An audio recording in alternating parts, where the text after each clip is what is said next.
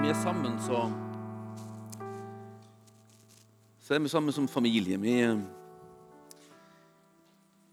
står med hverandre og er jo sammen for å betjene hverandre. Og jeg tror på det der å betjene hverandre, det å be for hverandre. Vet, vi, er, vi er utsendt av Gud, vi som tror på Jesus Kristus. Utsendt for på en måte å være hans hender og hans føtter og hans munn. Og vår munn på en måte liksom var med å helt enkelt forløse velsignelse over hverandres liv.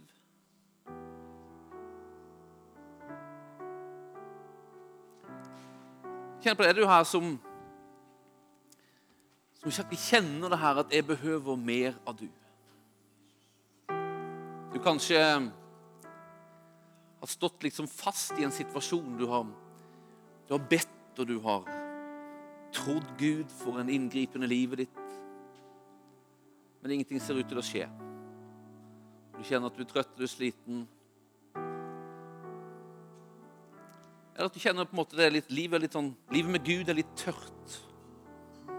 Han virker litt fjern. Det er som at liksom vannbeholderne syner. Enkelte behøver mer av Han. Hvis du er der og kjenner jeg behøver mer av du, akkurat som jeg har sunget nå, kan ikke du bare rekke opp handa di? Vær frimodig på det.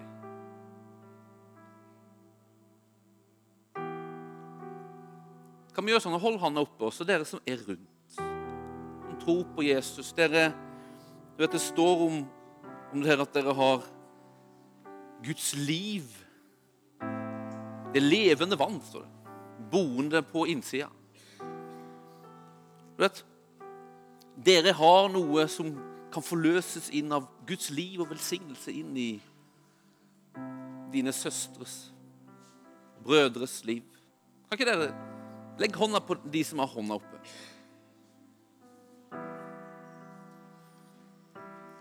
Så bare ta med en liten stund og nit og spiller litt, og så bare, og så bare velsigner dere de. Ber at, at Gud skal bare fylle på, gripe inn. På en ny og frisk måte. Så at det ikke skal være tider av, av tørke, tomhet, motløshet, men at nye tider skal komme.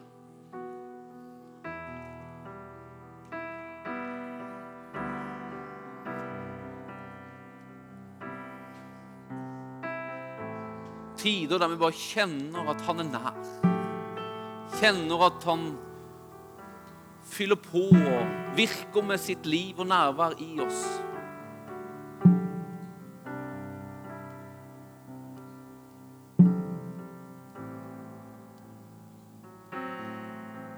Du bare fyller på akkurat nå, far. Din ånd, ditt nærvær, bare virker i hver enkelt situasjon.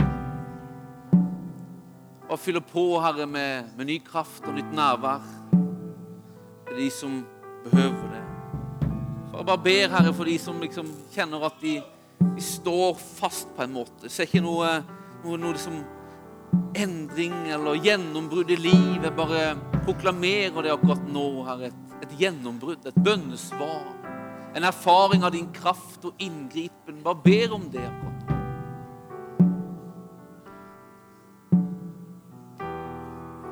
Bare ber om fornyelse.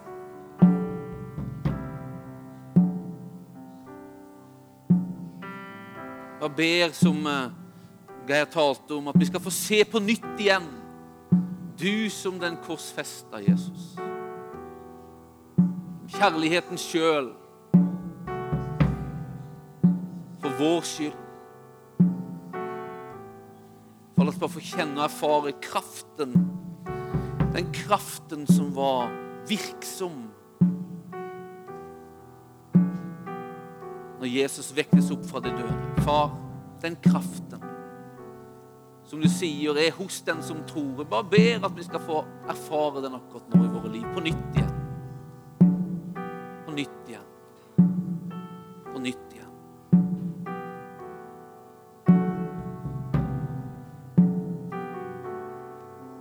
Takk at du er den levende. Den som lever. La oss få oppleve og erfare ditt liv, Herre. Ditt liv, Herre. Vederkvikkelse skal komme oss til del. Dager av ny styrke, dager av ny kraft. Dager av nytt liv. Og komme oss til del. Priser og priser og priser. Lover deg, lover deg, lover deg. Jesu navn.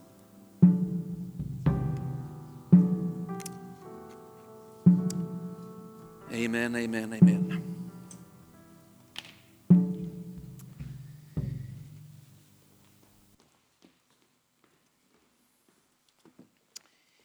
Amen. Jeg kan gi lovsangerne en applaus. Det er de absolutt verdt.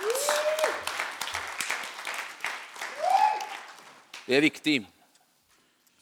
Det er viktig. Som kan Jonne en applaus da, faktisk. Jonne den for lyden der. Eh, det er mange som virkelig hengir seg. Gir av sin tid og sin kraft på det stedet som ikke alltid ser Jonne en sånn.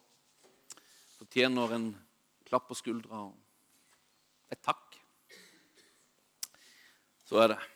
Herlig. Det er så her når man eh, Når man Når vi taler her, så, så, så, er det sånn av og til at vi, vi, vi, vi opplever sånn ganske langt i forveien hva vi skal liksom tale om. Vi kan uh, sitte her sånn som vi satt i høst. Vi skal tale om Filippo-brevet i begynnelsen av, av neste år. Vi, uh, jeg satt tidligere i, i fjor sommer og talte om identitet. I fjor høst talte jeg om det. det er som at Man kan liksom ha en oppfatning av hva vi skal tale om ganske lang tid i forveien. Planlegge det. Mens andre ganger så er det som at vi har lagt en slags plan, en tanke, og så er det som at det, i hvert fall jeg kan oppleve det at plutselig begynner Gud å bevege seg inn i noe annet. Så er det noe annet som ligger i lufta. Og jeg, Litt sånn er det nå. Jeg, jeg hadde liksom mine tanker på hva vi skulle sysle med søndagene nå framover. Men så, så er det liksom noe annet som på en måte liksom har kommet inn. Gud får lov til å forstyrre oss. Det er viktig for meg altså, at han får lov til å forstyrre oss. Jeg tror på å legge planer. Og Av og til er det som at planene der ligger det. Og det ligger der hele veien. Av og til er det som at Gud liksom bryter inn. Og det, det begynte, for meg begynte det her for, egentlig på en, for en måned siden så var jeg på Gjøvik eh, sammen med Olav og Unni Slåtten. Og Father Heart Ministries. Vi har opp en del ledere, og det var noen fra utlandet der, bl.a. James Jordan, han som har grunnlagt den, den, tjenesten. Og Vi hadde to uker der oppe, og den siste uka så, så hadde vi fokus helt enkelt på salvelsen. Og eh, altså, viktigheten av nærværet av Gud på en måte det vi holder på med. Altså, det er jo faktisk sånn at I, i menigheten så er det, det nærværet som er annerledes. Altså, Vi tror at Jesus er til stede der to eller tre er samla i hans navn. Derfor tror vi at dette er en annerledes samling enn årsmøtet på Lions. Altså, men årsmøtet på Lions skjer kjempemye bra på årsmøtet på Lions. Men her tror vi at, at, at, han er til stede. Og Det er på en måte derfor vi samles her. Og, og det at han får prege det vi gjør, og prege, prege det som skjer her. Og Vi hadde fokus bl.a. på forkynnelsen viktigheten av at hans nærvær og liv er til stede i forkynnelsen. Og I det der så hadde han James Jordan han hadde en, en undervisning som han kalte 'Fem punkter til en salva forkynnelse'. Etter hvert som vi kom inn, så døpte vi om den til 'Fem punkter ut av forkynnelse'. Fordi man oppdager i det der så sånn, vi er ikke kvalifisert. Og Han sa så her Veien til at Gud får virke gjennom våre liv, og virke gjennom vår forkynnelse, det er at vi dør. Det er at vi dør bort fra oss sjøl. Altså, det er som at vi tror på liksom, kommunikasjonsteknikk, og vi tror på pedagogikk, og vi tror på strategier og alt sånt der. Men hvis ikke vi på en måte legger ned det og, og inviterer Han i det, så blir det veldig dødt. Så min viktigste bønn som predikant er at Gud virker gjennom mitt liv.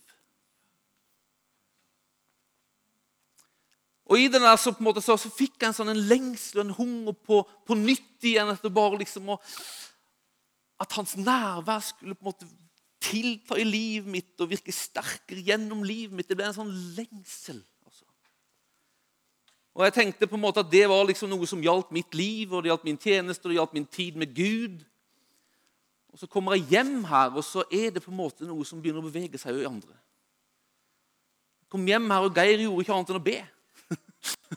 altså, og Miriam gjorde ikke annet enn å be, og andre hadde hengt seg på med den samme lengselen. altså.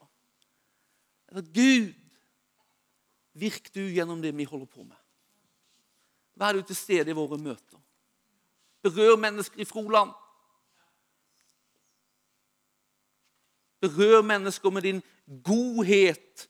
Og hans godhet det er jo, en, det, det er jo ikke en teori, det. altså.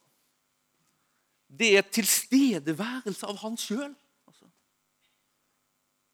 Som vi synger og virker gjennom vårt smil så er det med et hjerte og en bønn og en lengsel om at hans nærvær og kraft, det vi kaller salvelsen, skal virke og berøre mennesker.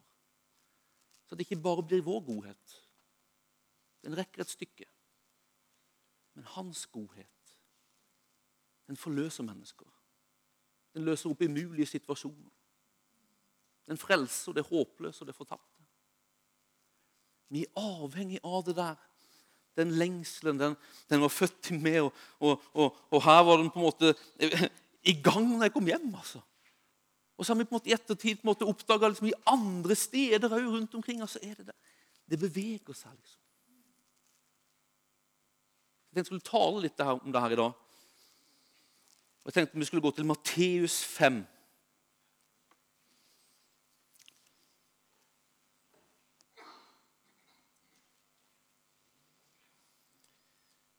Jesu bergpreken.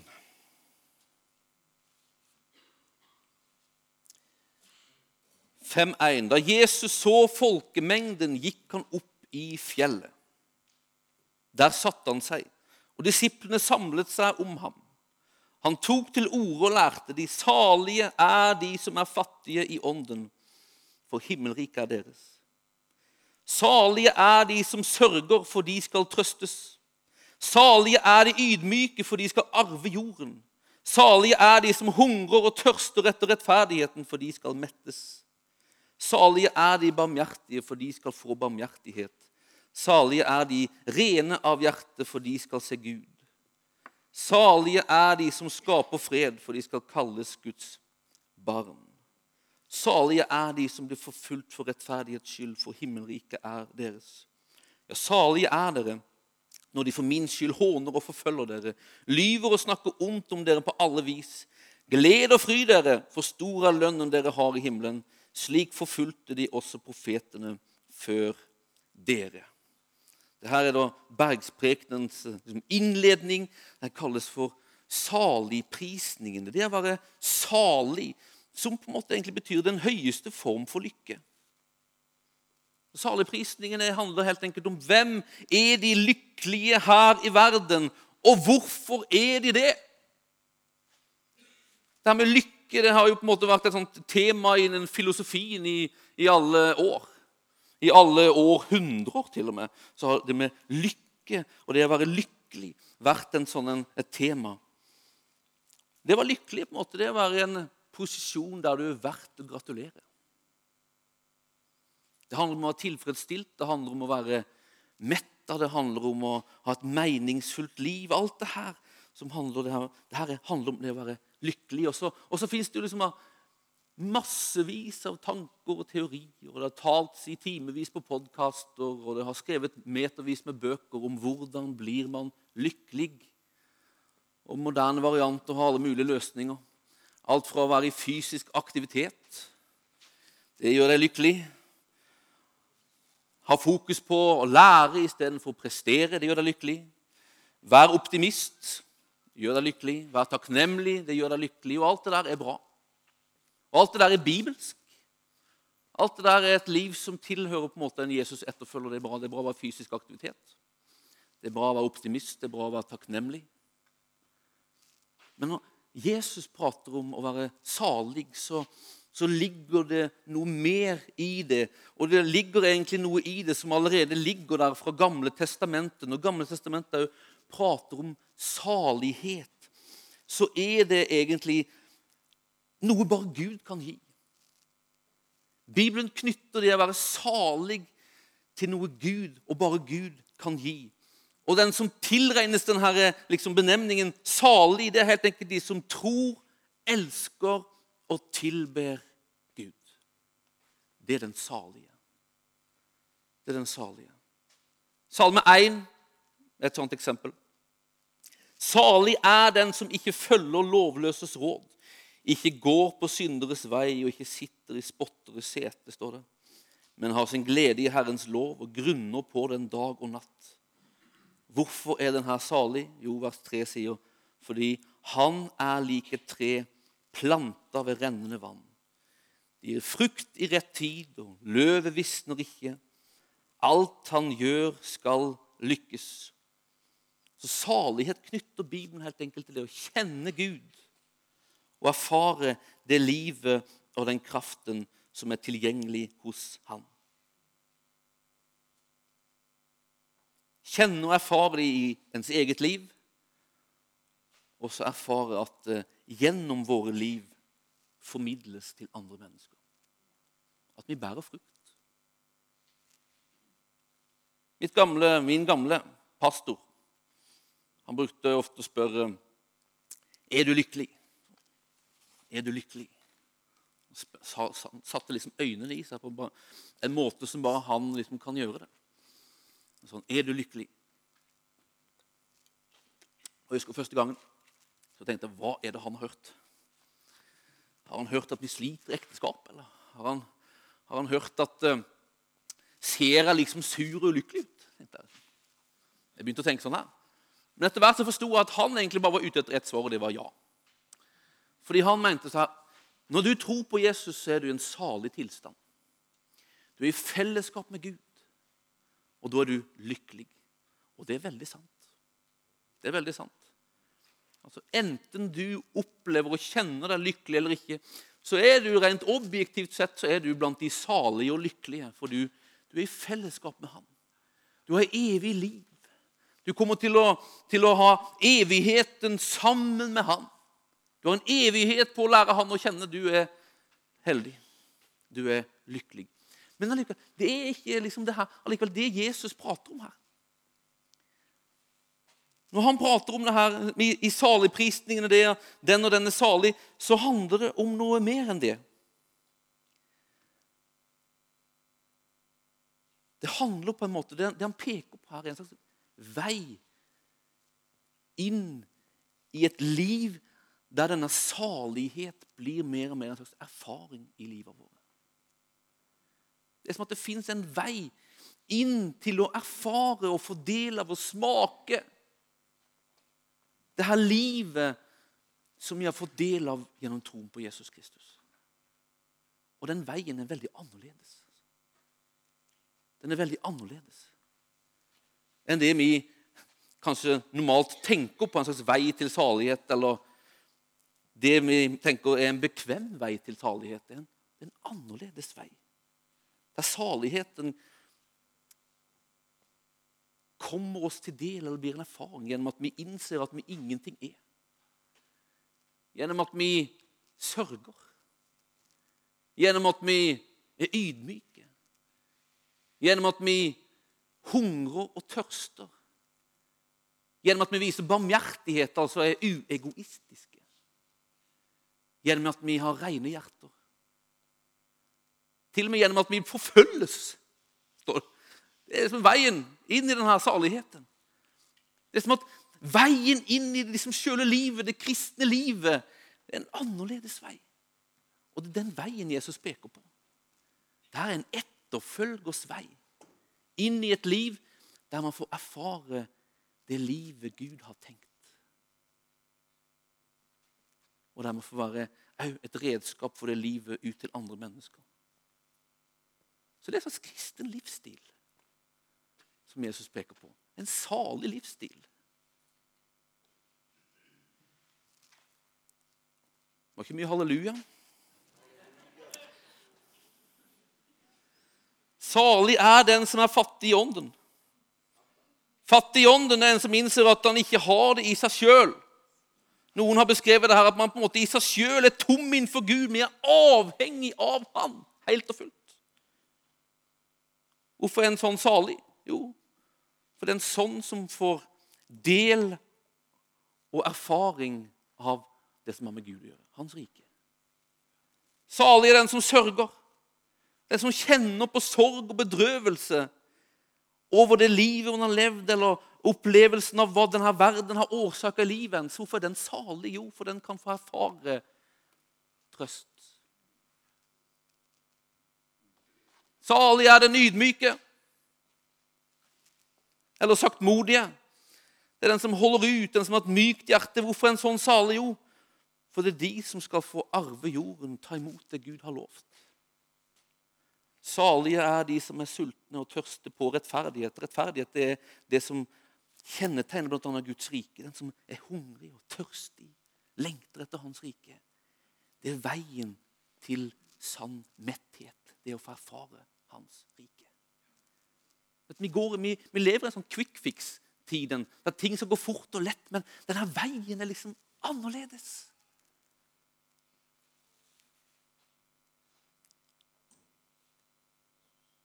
Dette kristne livet det handler ikke om at vi skal liksom klatre opp til Gud. Det her, det her jeg prater om nå, det, liksom, det, handler ikke om at vi skal liksom gjøre oss fortjent til at Gud griper inn, eller han står og venter på at vi skal liksom, eh, sørge og dø bort fra oss sjøl for at han skal ville gripe inn og ville gi oss. Nei. Det kristne livet handler om at han har gitt alt. Paulus sier det, at når han ga sin sønn, så ga han allting med han. Så det er som at han har gitt allting. Det er som det står en dusj på fra hans side. Når du har tatt imot Jesus, så, liksom, så setter han bare på en dusj av alt han er, og alt han har over ditt liv. Men så er det som at det fins en vei hos oss, for oss, for at vi skal på en måte ta imot og kun ta imot alt det han gir. Det er, som at det, skal, det, det som at det må finnes plass og rom i våre liv for at vi skal ta imot alt det han har gitt, og få erfare det og få glede av det og for at andre skal få glede av det gjennom våre liv. Jeg husker, når jeg var på Arken, så husker jeg, jeg hørte en, det kom et team hjem jeg tror det var fra India. Og De hadde hatt en meget spesiell opplevelse eh, i et, sånn, et, en apeinnhegning.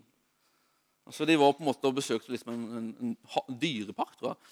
Der var aper til stede, og det var bl.a. en ape som var utrolig grådig. De drev og kasta inn liksom bananer og sånn mat til de her apene. Men liksom den her liksom var liksom, liksom, Han skulle ha alt, altså. Så de sa de kasta bananen der, apen var der. Og så, og så, så begynte han å fylle liksom, eh, fingrene, hendene liksom, Alle han kunne få i den handa. Så begynte han på neste, og så putta han en i munnen. og Så liksom, så, så lenge han kunne, liksom, så holdt han på, og så kunne han jo gripe med føttene. så han begynte å gripe med føttene. Og til slutt sa de, så sto han der, full av bananer der, full av bananer der, Full av bananer der, full av bananer der og full av bananer i munnen. Men problemet hans var jo da at det var så fullt overalt så han kunne ikke gjøre noen ting med det han hadde. Han kunne ikke spise den bananen han hadde i munnen. Og et Sånn kan det jo være i våre liv av og til. altså. Det er så fullt i våre liv så at fossen, dusjen fra Gud, kan på en måte aldri, aldri liksom få prege oss og fylle oss sånn som han har tenkt. Han behøver plass. Han behøver plass. Han behøver at vi gir ham plass. Han behøver at vi på en måte gjør oss av med noe av vårt eget. At vi våkner og innser at jeg har ikke det i meg sjøl. At vi innser at jeg behøver du. Når vi innser det og begynner å handle etter det, så begynner han og hans liv å kunne prege oss sånn som han ønsker. At vi får erfare han som han ønsker. Og at vi får bli brukt av han som han ønsker. At han får virke i våre liv som han ønsker. Og at han får virke gjennom våre liv som han ønsker.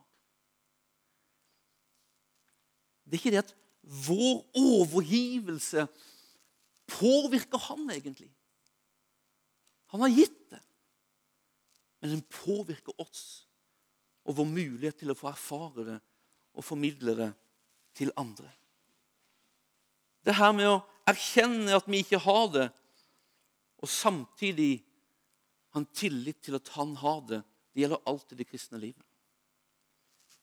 Dette her er måten man blir frelst på. For at du skal kunne bli frelst, så behøver du å erkjenne at du behøver hjelp med det.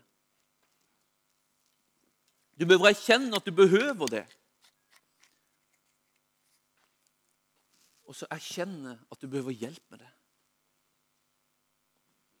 Bibelen sier at alle mennesker kommer til kort innenfor Gud. Og ingen mennesker har det i seg sjøl å kunne bli frelst. Samtidig sier Bibelen at Jesus Kristus kom for å frelse sitt folk fra sine synder. Ta imot ham. Erkjenn ham. Erkjenn at du ikke har det, og våg å tro på at han har det. Da blir du frelst. Ved har hjertet tro at han har dødd for din synd ved din munn, med, med din munn bekjenne at han er Herren. Da blir du frelst. Så Alt handler om å erkjenne at jeg ikke har det. Jeg behøver noe. Og løsningen, det er han. Sånn handler det hele kristne livet om. Og sånn handler det her om å på en måte få, få kjenne han, og, og, at han virker gjennom våre liv. Det begynner med en erkjennelse. I meg sjøl er jeg fattig. Jeg behøver du. Jeg behøver du. Har vi på en måte denne erkjennelsen i livet vårt at vi behøver Han? At vi ikke har det? I perioder så kommer jeg fram til denne punkten at jeg behøver du. Jeg mener, jeg kan jobben min, tror jeg. Altså. Jeg kan prate med mennesker. Jeg kan si noen ord. Jeg kan be. Jeg kan liksom det som en pastor skal gjøre. sånn. Men så kommer jeg til det punktet at ja, jeg kan det, men allikevel jeg har det ikke. Jeg behøver du. Jeg behøver du. Og Jeg tror at vi alle er i samme båten. altså. Alle behøver vi han.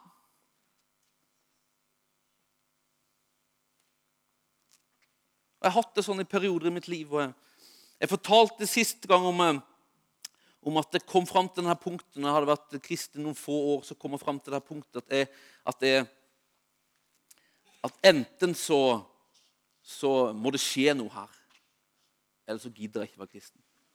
Det kristne livet er fryktelig kjedelig altså, hvis du ikke på en måte har gitt ham plass.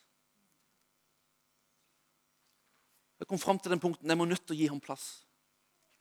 Jeg må bare liksom jeg må bare erkjenne jeg har ikke det som skal til for å gjøre det kristne livet gøy og spennende.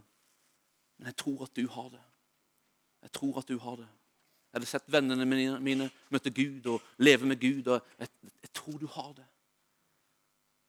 Så jeg valgte å ta noen steg, og jeg valgte å, å, å gi meg til Han. Og jeg valgte å innse og erkjenne at i meg sjøl er jeg fattig.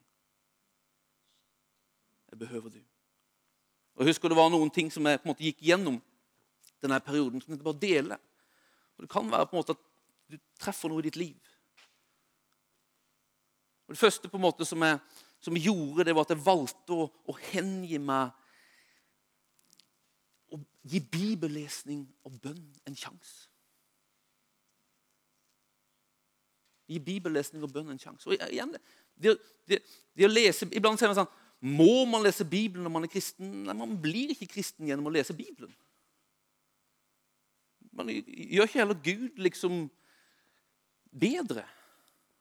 Man gjør ikke det at Gud elsker det mer. Men det skjer noe med du når du leser Bibelen. Det skjer noe med du når du leser Bibelen. Det skjer noe med du når du ber.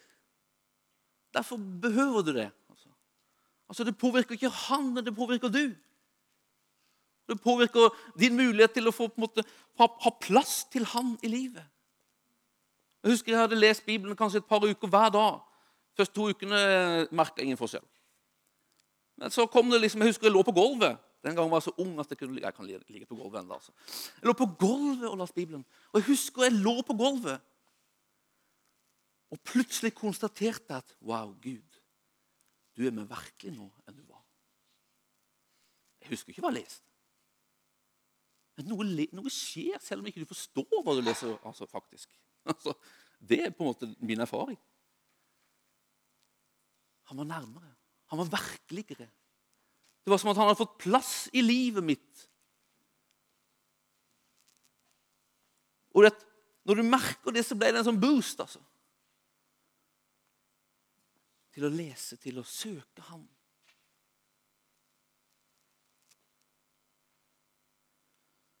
Det å lese Bibelen kan være tungt og vanskelig. Og Det handler egentlig ikke heller om hvor mye du leser, mer enn at du gjør det.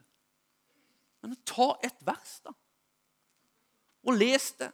Og så les det om igjen og om igjen og om igjen. Les Johannes 3, 16. 50 ganger. Noe skjer. Du gir han plass og tid. Og når du leser hans ord, så virker han gjennom ordet sitt. Ordet er levende, sier han. Samme gjelder bønnen. Bønn er jo egentlig bare hjerte. Du henvender deg til han i hjertet. Og når du henvender deg, så, så, kan han på en måte gi noe tilbake. Si noe tilbake. Det er som når jeg henvender meg til Ole Georg, så gir jeg han sjanse liksom, til å kommunisere, eller enten ved blikket eller smilet sitt, eller ved ordet, eller bare liksom nærværet. Men hvis jeg bare liksom går med nesa i sky rett forbi han, så, så er det liksom ikke noe plass i mitt liv til at han skal påvirke meg. Det er litt på samme måte altså, med bønnen. Man henvender seg til han i hjertet, så plutselig så henvender man seg til en strøm som bare strømmer på. Så det, det skjedde denne perioden der. altså. Jeg, jeg bestemte meg, jeg, jeg vil innvie meg, jeg vil gi plass til Bibel og bønn i livet mitt. Og det her er på en måte, liksom, jeg, kan, jeg, jeg, jeg, skulle gjerne sagt at jeg leser liksom fem timer hver dag. Det har jeg gjort i alle år. Det er ikke sånn. I perioder så har det på en måte, så er det liksom, Nesten uten at man merker det, så glir det liksom bort, og så blir det bare liksom lite grann. og så...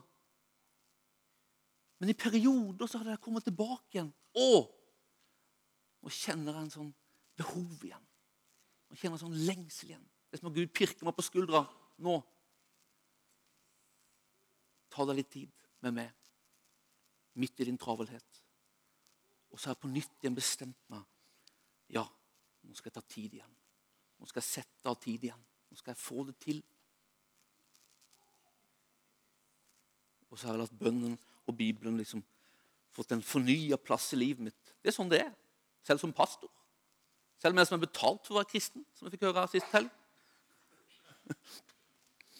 Jeg vet at det er privilegert, men jeg tror at vi alle kan få til noe av det. Selv om det kan være ulikt mye i ulike tider. Det neste som skjedde i den perioden Jeg begynte liksom å lese Bibelen, det begynte å bli virkelig for meg. Så var det som at Gud begynte å vise meg ting som jeg helt enkelt måtte gjøre og gjøre noe med. Og Det første på en måte som jeg, som jeg jeg, jeg, husker ikke hvilken kronologisk ordning det her var, men noe av det første som skjedde, var at Gud viste meg noen som jeg hadde gjort noe imot. ganske langt tilbake til og med i tid. Plutselig viste Gud meg de personene som du må gå og bekjenne hva du gjorde. Det var ikke noe særlig stas, altså. Det kosta på. Det var ikke noe bekvemt i det. Men etter lie om og men hadde mange unnskyldninger. Så bestemte jeg meg jeg gjør det. Jeg gjør det. Og gikk. Og jeg, det, var, det, var, ikke noe sånn at det ble en sånn kjempesalig stund, og de, og de liksom møtte Gud der og ble frelst der. Nei. Jeg bekjente min synd. Og jeg opplevde jeg fikk respekt og alt det der. Men jeg kom ut, så var det som at det fløy. altså. Jeg fløy. Jeg tror ikke de flydde, men jeg fløy. altså, altså, og jeg vet ikke hva som skjedde. Det måtte være at det hadde en påvirkning på de i sitt liv. Men det er ingenting som jeg vet noen ting om. Men det hadde en veldig påvirkning på mitt liv. At det, det gjøre sånne, det var lydig. Det er som at det forløser noe av liksom, Guds liv i deg. Det er som at du gir en plass og en rom for denne strømmen til å virke. Jeg kan ikke forklare det bedre. Det fins en velsignelse i det å være lydig når Gud viser deg noe. En eh, vis mann har sagt det her at det å, det å det å lyde på en måte i det fysiske det forløser en åndelig velsignelse i ditt liv. Og Jeg tror at det ligger noe i det. altså. Hvis Gud viser deg noen, eller noe som han vil at du skal gjøre, Gjør det. Gjør det. For meg så var det en del av det her på en måte, og, at hans liv fikk prege meg. Det å vokse i kjennskap til han, og det å vokse i at mennesker fikk erfare han gjennom, gjennom mitt liv. En annen ting som jeg måtte gjøre, det var på en måte, faktisk slutte med noen saker. Husker jeg røykte. Det trodde jeg ikke. Jeg røykte faktisk. Og jeg røykte jo på en måte etter at jeg begynte å lese Bibelen og liksom fått en fornya bibellesning og bønneliv. Jeg røykte, det, var, rørte meg liksom ikke en plass. Og Nå er jeg ikke ute etter å ta røykere, men jeg er ute etter at, at hvis Gud viser deg noe, så handle på det. Jeg husker jeg satt på kroa og røykte, og plutselig så bare innså at det her er fullstendig feil. Kan ikke holde på med det. Klarte det liksom ikke. Så jeg stumpa røyken og har ikke røykt siden. Og Jeg vet at det høres veldig lett ut, og jeg hadde ikke røykt i, i, i 30 år. altså.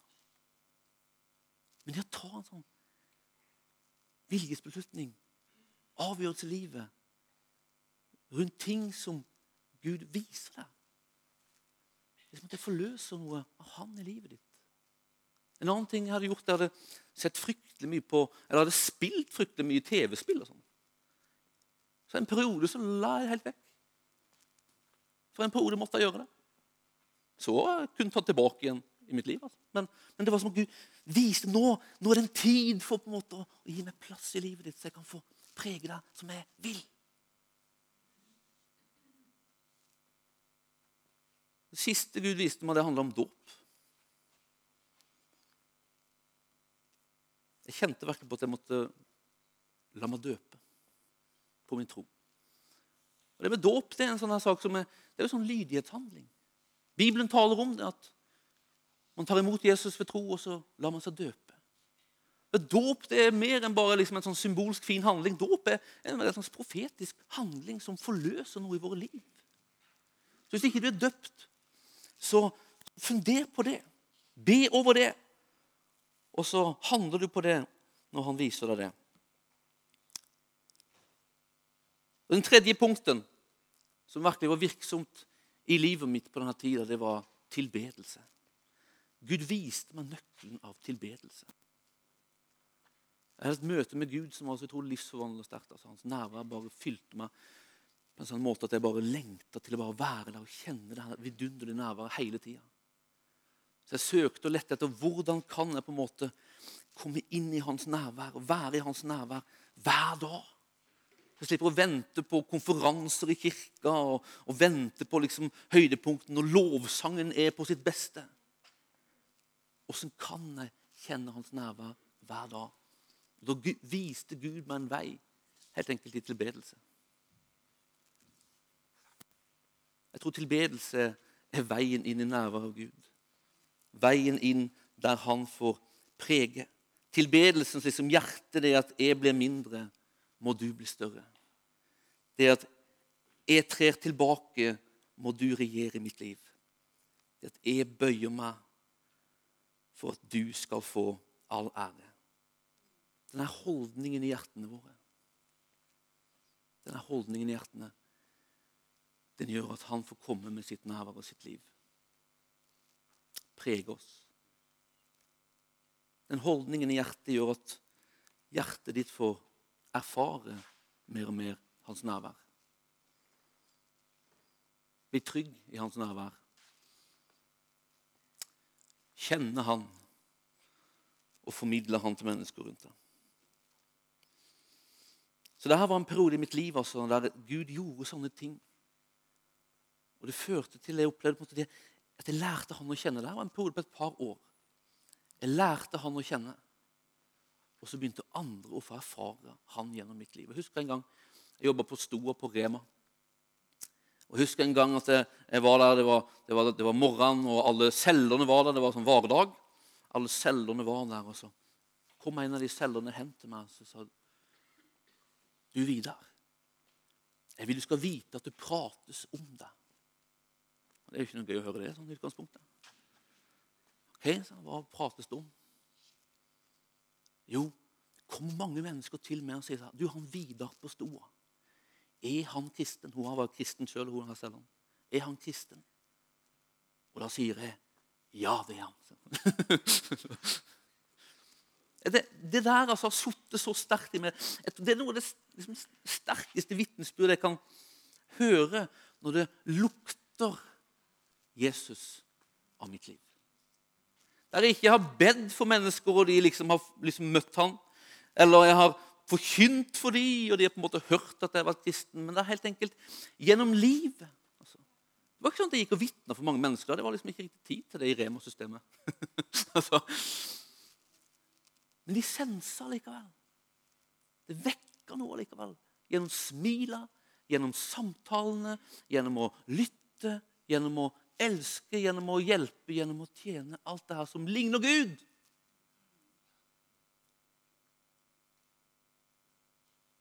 Hvis hjertene våre er hos Han, med Han, gitt til Han, så kan Han gjennom det komme med sitt liv og berøre mennesker rundt oss. Men jeg tror på en måte, hvis vi skal, Og jeg lengter mer og mer altså, etter å se Hans godhet og Hans kraft utbredt i bygda. At mennesker berøres av den. At når vi maler hus, og når vi smiler, og når vi, når vi hjelper mennesker, når vi betaler for de kassa og alt sånt Det, det, det, det vitner om Gud, altså. Det gjør det. Men om Han en måte i tillegg holdt jeg på å si, får virke gjennom vårt liv, så smaker det Gud langt mer enn bare våre handlinger. Da settes mennesker i kontakt med hans liv, hans nærvær og hans kraft. På en sånn måte som han har tenkt. At han har satt oss i fellesskap med seg for at vi skal kjenne han. Han har satt oss i fellesskap med seg for at vi òg skal formidle han til andre. Vi er objektivt del av fellesskapet ved tro på Jesus Kristus. Vi, har, vi er i fellesskap med han, enten du merker det eller ikke. Men når vi gir oss til ham, når vi gir ham plass i våre liv, så får han også prege oss. Så får vi erfare fellesskapet. Og så får andre mennesker erfare det fellesskapet vi har gjennom oss. Dette er litt på en måte det som beveger seg i mitt liv om dagene. Det som beveger seg litt i oss her om dagene. Min bønn i dag er helt enkelt at du skal bevege noe i ditt liv og vekke noe av det her. Det bør ikke se ut som det gjorde for meg, det bør ikke se ut som det gjør for oss her liksom i stab heller. Vi er privilegerte.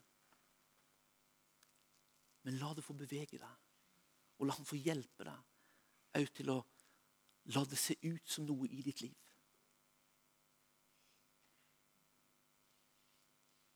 Si ja til han hvis ikke du har gjort det. Ta imot han som din frelser. Men si òg ja til han når det gjelder alle andre områdene av livet. Slipp han inn i områdene i ditt liv. han kanskje ikke har hatt en plass. La han få rom, så han kan få prege og prege gjennom oss. Amen.